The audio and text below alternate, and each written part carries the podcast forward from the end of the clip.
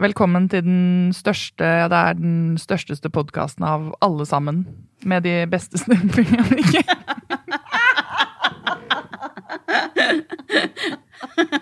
Hva er det du prøver på nå, Kristin? Hva er det du prøver på? Er Jeg klarer ikke den innledningen. Skal. Skal jeg gjette? Er du en amerikansk president? Ja. Ja, ok. Ti poeng i fantasi. men det skal handle om politikerspråk, og det vi skal gjøre, er jo å sette fokus. Ja. For det liker politikere. Jeg tar dette til etterretning, Helene.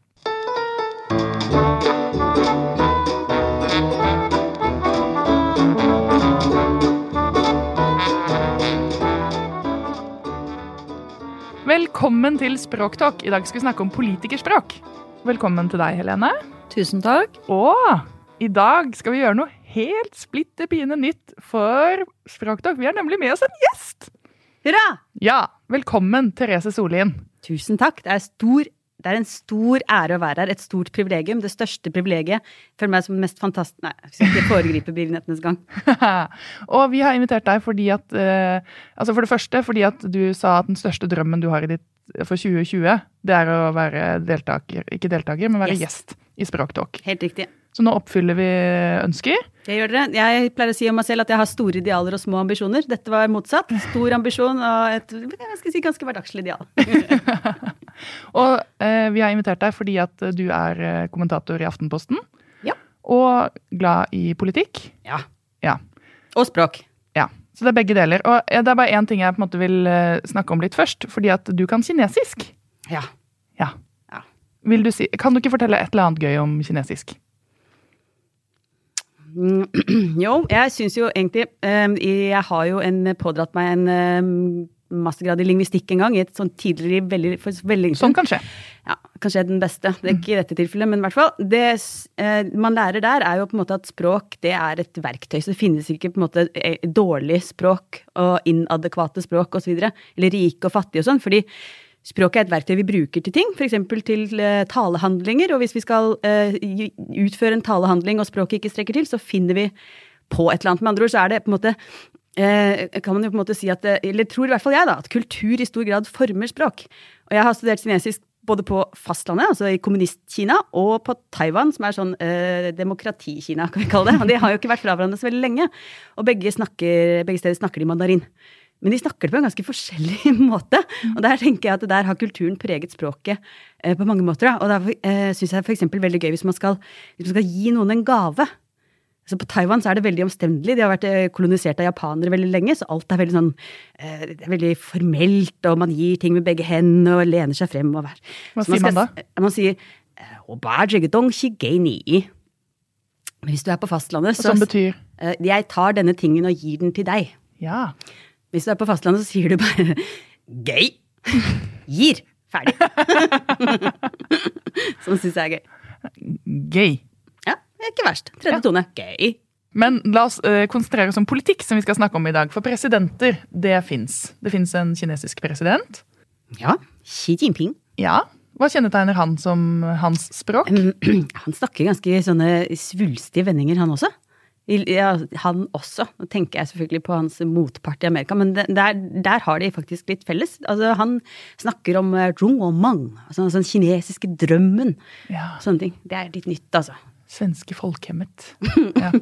Men har man ikke Ok, nå er fordom eh, fra en som ikke kan så mye om kinesisk politikk, men jeg, alle tingene jeg husker fra kinesisk politikk, er veldig store ting. Det store spranget, det er veldig sånne store begreper som skal liksom flytte en milliard mennesker til å gjøre noe annet. Ja. Må man ha litt store ord for å være president i et stort land? Mellom Mao og Xi Jinping så har det ikke vært så store ord, altså. De har hatt sånne tørrpinner, vil jeg si. Kanskje det er derfor jeg ikke har hørt om det. Ja, det kan jeg se. Ja, for du, nevnte, du var innom Trump. Og det Vi må jo snakke om Trump, rett og slett. Det er ikke mulig å komme unna Trump. Hva tenker du om Trump? Mm. Vi konsentrerer oss om språket hans, Ja. så blir vi aldri ferdig med Nei. å snakke om Trump. Så vi skal snakke om språket hans.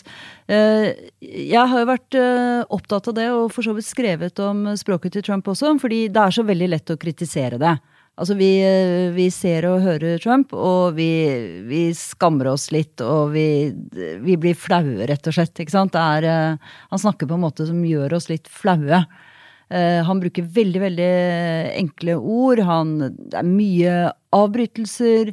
Det er veldig store, men korte ord, da. Det er mye sånn great og big og large og ikke sant. Det er mye sånne ting. Eh, men jeg, jeg skal spare dette, da. Men jeg har altså jeg har noe positivt å si om Trumps språk også. Ja. Men la oss først eh, velte oss litt i det som ikke fungerer så bra. Det jeg har tenkt når jeg hører Trump snakke, det er at han minner meg en del om de studentene jeg hadde da jeg underviste eh, på college i Amerika. Som hadde et sånt veldig sånn binært språk, kan man kanskje kalle det. At alt er enten liksom amazing eller wow, that sucks. Det er liksom ikke noe terrible. The most terrible president ever. Det syns jeg er gøy. Han behersker virkelig den ungdommelige måten å se verden i enten lyst eller mørkt på. Det er jo Ser jo ut til å fungere ganske godt. Ingen mann av nyanser, eh, heller ikke språklig. Det er jeg helt enig i. Men da kan man jo si at det er et positivt språk, altså at han behersker det. da, At han virkelig klarer å tale til ungdommen og til det. At Ja, altså, en- la oss bare fastslå at jeg tror ingen blir politikere, eller valgte politikere, hvis de ikke snakker et språk som velgerne liker. Altså, sånn er det jo. Han hadde jo ikke blitt valgt hvis han ikke hadde hatt et språk som appellerte til så store velgermasser at han faktisk eh, fikk et flertall. Men det, og det jo, blir jo sånn binært også i mottaket, at enten så elsker man å bli begeistret for det, eller så hater man det. Det er et språk som er vanskelig å holde seg nøytral til. Men det han gjør, da, som jeg syns er litt morsomt, han gjør jo det samme som den eh, norske stat har brukt millioner av kroner på å få oss nordmenn til å gjøre.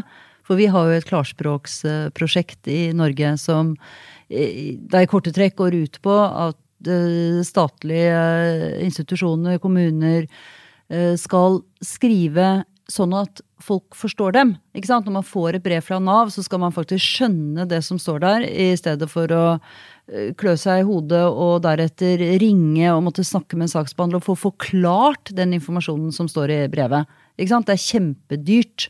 Koster eh, staten mange, mange, mange, mange penger hvert år å produsere så mye dårlig språk som de gjør. Eh, og det vi vil, da, når eh, vi som har eh, opplæring i klarspråk, det er jo flere ting. Det er annet korte setninger og korte ord. Eh, og det er jo det Trump Han bruker begge deler. Så Så han når igjennom, på et vis. Christian Tybring-Gjedde nominerte Trump til Nobels fredspris, og du nominerer ham til. Klarspråksprisen. Ja. Ja, men Det er jo en egenskap vi verdsetter. ikke sant? Det der å snakke rett fra levra. Jeg er en som eh, sier det sånn som det er. Ikke, at man er veldig opptatt av det idolet, at man ikke skal ha vanskelig Eller idolet, idealet. At man skal kunne snakke ja, eh, liksom fra hjertet. Eh, og Samtidig så blir det sånn fortåket av en gjeng med kommunikasjonsrådgivere. Hvis hun nå flytter oss over da til Norge. Eller jeg har også fått brev fra Nav, og jeg er ganske god i norsk, vil jeg si. Og skjønner Det er jo helt på det nivået at du skjønner ikke eh, Har jeg fått den barnetrygden, eller har jeg ikke fått den? Ikke? For én ting er jo at du ikke skjønner detaljene, men det er jo helt sånn derre Ja, og så eh, mye referanser til eh, paragrafer og juridiske begreper som du faktisk ikke helt har bruk for. Det Ja. du lurer på er fikk jeg eller fikk jeg ikke. Ja, og når politikerne skal stå Og det er jo ofte at i debatter da, så skal de liksom være tydelige og klare, men det er jo ikke alltid de er tydelige og klare, for det er jo en eh, De må jo også snike seg unna ting.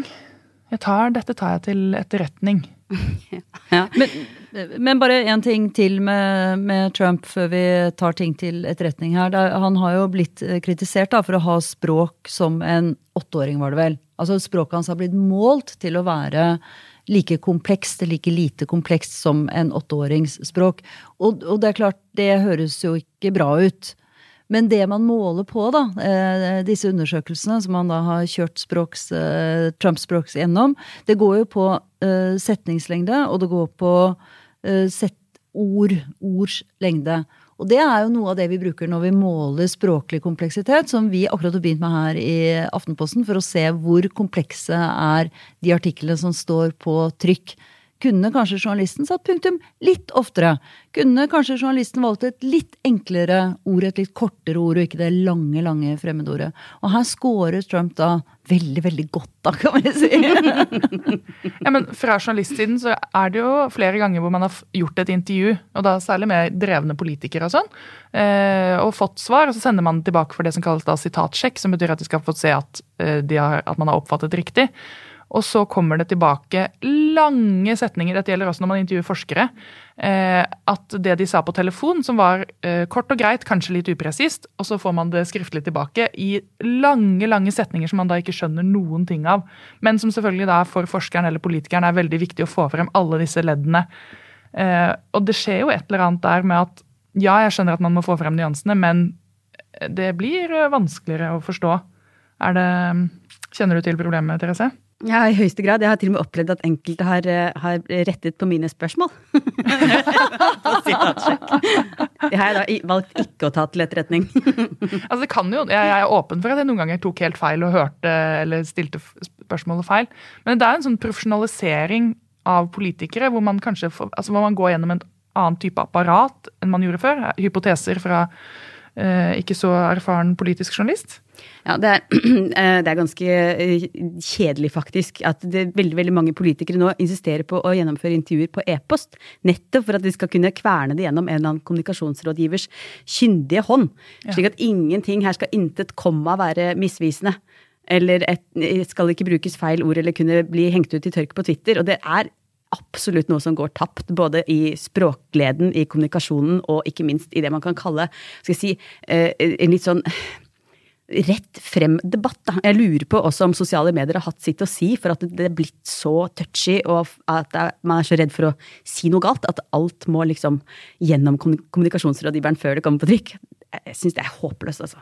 Ja, for det er en eh, Jeg kjente ikke til det, fordi, men eh, Hanna Kvanmo, som mm. var SV-politiker før, eh, hun var jo da før denne kverna av folk, og hun kom fra Nord-Norge og sa det sånn som det var. Og så fikk jeg høre historien om da Kåre Kristiansen, som var KrF-politiker og prest, eh, kom etter et tap og la hånden sin på skulderen hennes sånn tungt og sa sånn Ja, nei, det var veldig trist, denne her. Og så sier hun sånn Ta bort den jævla presthanna di. og det ble da fanget opp av noen Dagbladet-journalister som sto der akkurat da, og så det, blir det jo helt legendarisk, fordi alle skjønner at dette er Det kommer rett fra der det er, da. Det er eh, ordentlig. Nei, nå går det en sånn det går en sånn tegneserie nå om eh, Hanna Kvanmo fra Radio Gaga og Trump. Den går an å søke opp på Facebook.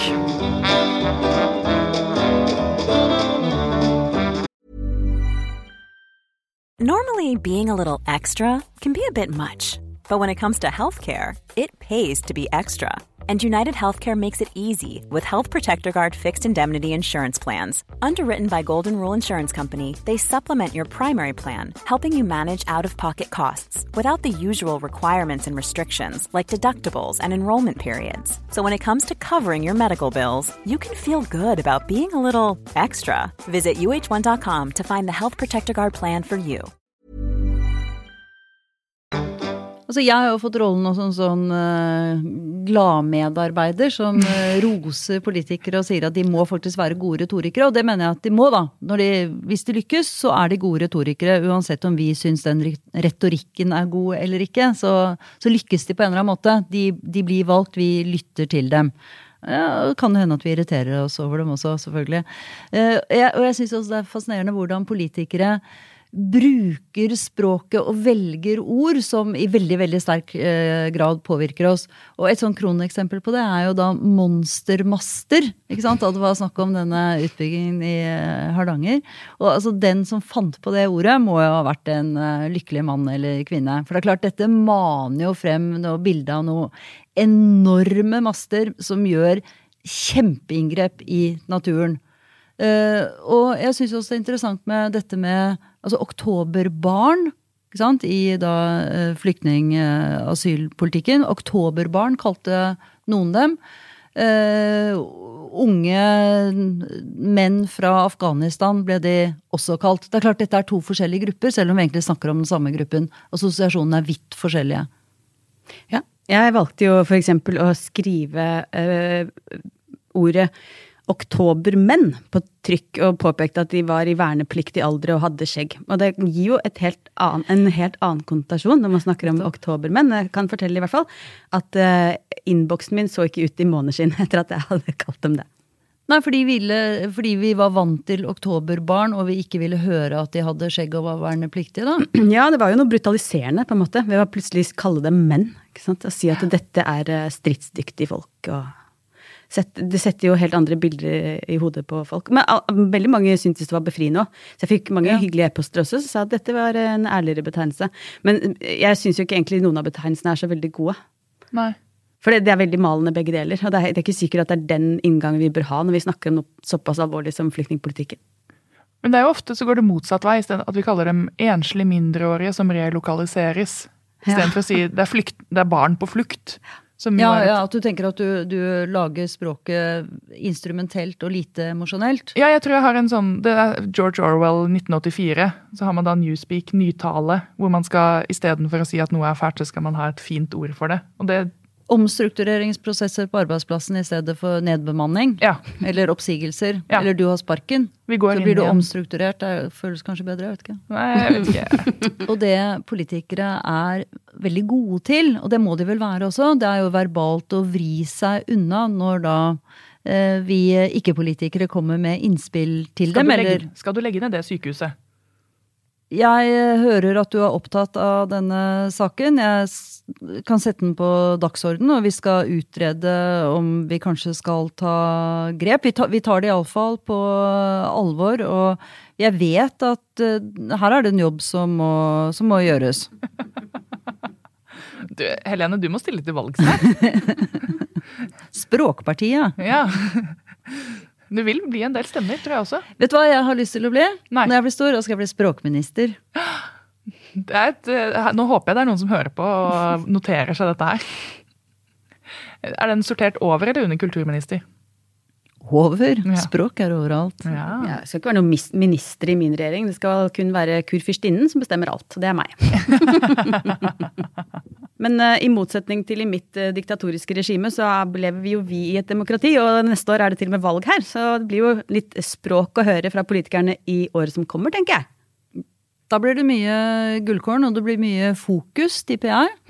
Det blir større fokus og bredere fokus og sterkere fokus og helhetlig fokus og forsterket eh, fokus. Eh, det blir kjempefokus på fornybar eh, energi, og dere kommer til å ha fokus og gi fokus og sette fokus. Sånn er det å være politiker. Alt dette er autentiske sitater. Fokussitater. Det er bra du fokuserer på fokus, Helene. Politikere har veldig fokus, nemlig. Og nå har du fokus på en bok, eh, Helene? ja, jeg har med meg en sånn bok med politikersitater. Eh, Tidenes gullkorn i denne boken da ble kåret. Hør her. Hvis du er født med en sølvskje i munnen, må du ta den ut før du begynner å snakke. Det var det, var det Ingjerd Schou fra Høyre som sa om Jens Stoltenberg. Og en annen som beskyldes for å ha blitt født med sølvskje i munnen, er jo Jonas Gahr Støre. Eh, som steg opp av asken som en slags fugl føniks etter Jens Stoltenberg. Ja, det er, uff, ja, jeg får nesten vondt av ham. Fordi det blir gjort så mye narr av hans forsøk på å fremstå folkelig. Det er i hvert fall det han anklages for når han stiller opp i tømmerhuggerskjorte eller leker gjemsel i skogen med gummistøvler på. Eller. Men det er jo også noen ganger at man tenker at det kanskje er noe litt tilgjort ved den folkeligheten til Jonas. Jeg var på landsmøtet til Arbeiderpartiet for et par år siden, og da skulle han holde sin store landsmøtetale. Og det var helt åpenbart at dette hadde han forberedt veldig nøye. Han hadde sånne han hadde bevegelser som lignet veldig på Jens Stoltenberg, som som gynget litt opp og ned. Og så snakket han om barnehager og samfunnet de skulle lage, og hager og eh, mager. Men så noen minutter ut i talen så på en måte var det et eller annet som løsnet, og så var de tilbake til barnehaver og de store eplehaver og hva slags samfunn de skulle lage. Og da syntes jeg da at det var så mye mer behagelig å høre på, fordi da tenkte jeg nå er han seg selv. Men det er jo interessant fordi at i Arbeiderpartiet så skal man ha det folkelige språket, og i det Det er jo interessant hva man regner som folkelig, fordi at de fleste av oss øh, har jo et ganske dannet talemål. Og så Men uh, jeg, litt, jeg, tenker at det er litt sånn rart at man skal det blir jo sånn, sånn, sånn selvproletarisering av språket. Det er jo, For meg i hvert fall, så er det jo noe med at hvis, En god retoriker må jo appellere til både etos og patos og logos. Ja. Det skal være, det skal snakke med viss autoritet, det skal appellere eller røre den som lytter, på et eller annet vis, og så skal helst det man sier, henge sammen på et eller annet vis. Og jeg blir ikke mye beveget hvis jeg får følelse av at her er en som står og gjør seg til for meg. Så det er klart at det spørs jo. Men det spørs jo hvem du spør også. ikke sant? Det er jo ikke sånn at én eh, person appellerer til absolutt alle. Nei, og det er jo nesten helt umulig. Jeg fikk eh, et godt innspill da jeg skrev om Østfold-dialekten. For det er jo slik at på Østlandet, altså dette østnorske, da regnes den pene Oslo-dialekten som fin. Og de fleste på Stortinget snakker en slags Oslo-dialekt. Men så var det en innsender som hadde blitt helt rørt og syntes det var så fint å høre Dag Terje Andersen som stortingspresident snakke Vestfoldmål. Mm. Der han kom fra, og så kjenne hvordan det var når en med det embetet står og snakker. Og i den språkspalten hvor jeg skrev om øh, Østfold-dialekt, da særlig, så foreslår jeg at sånn 5. oktober, det er ikke så lenge til, så kan alle bare gå på jobb med Østfold-dialekten sin. Alle andre dialekter de måtte ha. Men det er særlig Østfold da, som man trenger å få tilbake igjen. Å få språket sitt. Make Østfold-dialekten greit igjen? Ja.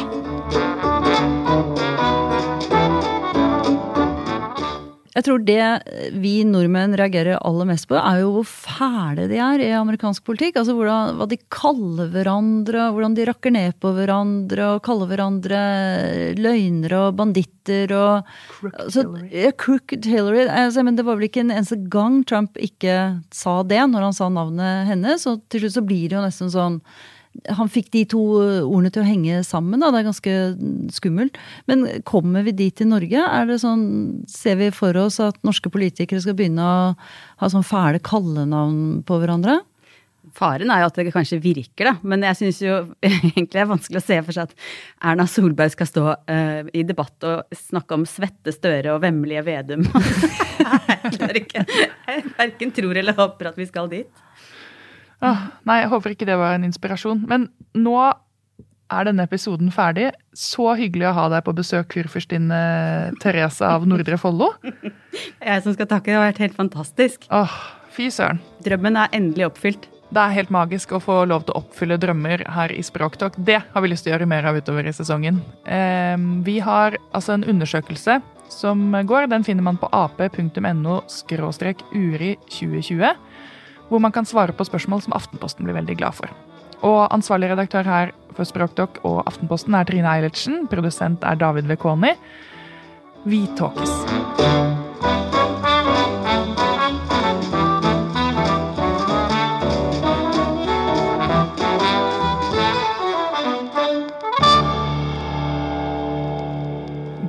Gay?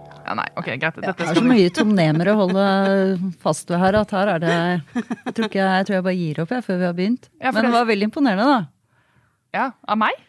Nei, Kristin, ikke av deg. Ah, Men det er jo veldig vanskelig med et sånt språk hvor man ikke gjenkjenner noen ord. Dette snakket vi litt grann om, at uh, siden språkene ikke henger sammen med dette indoeuropeiske, så blir hver, hvert nytt ord og tonem og i det hele tatt en liten overraskelse.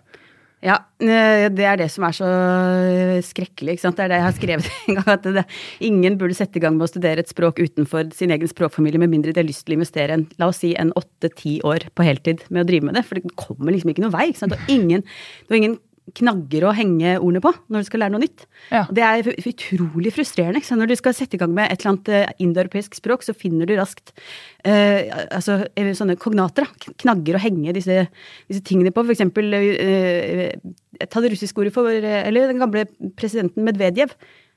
Som blir kalt for bjørn. Hvorfor blir han kalt for bjørn? Jo, fordi medved på russisk er en bjørn. Og hvorfor, det, hvorfor betyr det bjørn? Jo, fordi med det er i slekt med ordet vi har mjød. Og hva lager man mjød av? Jo, det er honning, ikke sant? Som kommer fra eh, gresk, da. Da har du den, og sanskrit, altså samme roten. Med. Mjød, honning. Ok, Og hva er ed? Jo, vi har det i ete. Eller eat, ikke sant. Altså, hvem er det som spiser honning? Jo, det er bjørnen. Så da, når du har hørt det en gang, så husker du det. ikke sant? Eller tyske ordet schaufensterpuppen. Hva er det? det syns jeg er så gøy. Vi har jo eh, schau, ikke sant. Altså show eller skue. Når du, eh, skåde. Eh, fenster, vi kjenner den fra svensk. Fønster, vindu. Skuevindu og poppen, vi husker det fra eh, puppet på engelsk. Så er det en skuevindudukke. Aha, en mannekeng. Så da har du lært Det glemmer du aldri, ikke sant. Men første gang du hører ordet Zong Tong på kinesisk, så kan du ikke gjette at det er president. Men når du hører president på russisk, så vet du straks at det er president. Ja. Men det ikke, så... ikke lær kinesisk. Bare eh, litt innsmett i en veldig interessant og intens eh, ordflom her. Jeg gleder meg til resten av eh, sendingen. Men det som finnes av låneord i kinesisk, det er helt uforståelig. Altså at det har blitt så forandret lydelig at man ikke har noen sjanse til å kjenne det igjen. For de må ha noen låneord. Eh, ja, altså de har jo egennavn og sånt. Det som er morsomt med kinesisk, er at det finnes bare et veldig få uh, antall stavelser. Fordi det må jo ha et tegn som tilsvarer den stavelsen. Og det utgjør ikke mer enn noe sånt som er litt vanskelig å regne på, for det er jo toner også som differensierer det, men la oss si under 400, da. Så hvis du da skal f.eks. gjengi Coca-Cola, så prøver de ofte å få med noe sånn mening i det også, ikke sant. Så det blir da Coca-Cola, som betyr eh, gleder munnen og gir deg glede. Nei. oh ja, wow! der, har de, der har de truffet veldig bra, da. Ja. Men andre ganger så går det ikke så bra. Eksempel når de skal da eh, signifisere eh, navnet Tom Cruise, for eksempel, så blir det eh, Tang Mo Close. Som du kanskje ikke nødvendigvis vil gjette er Tom Cruise ved første Tom. ørekast, hvis det er et ord.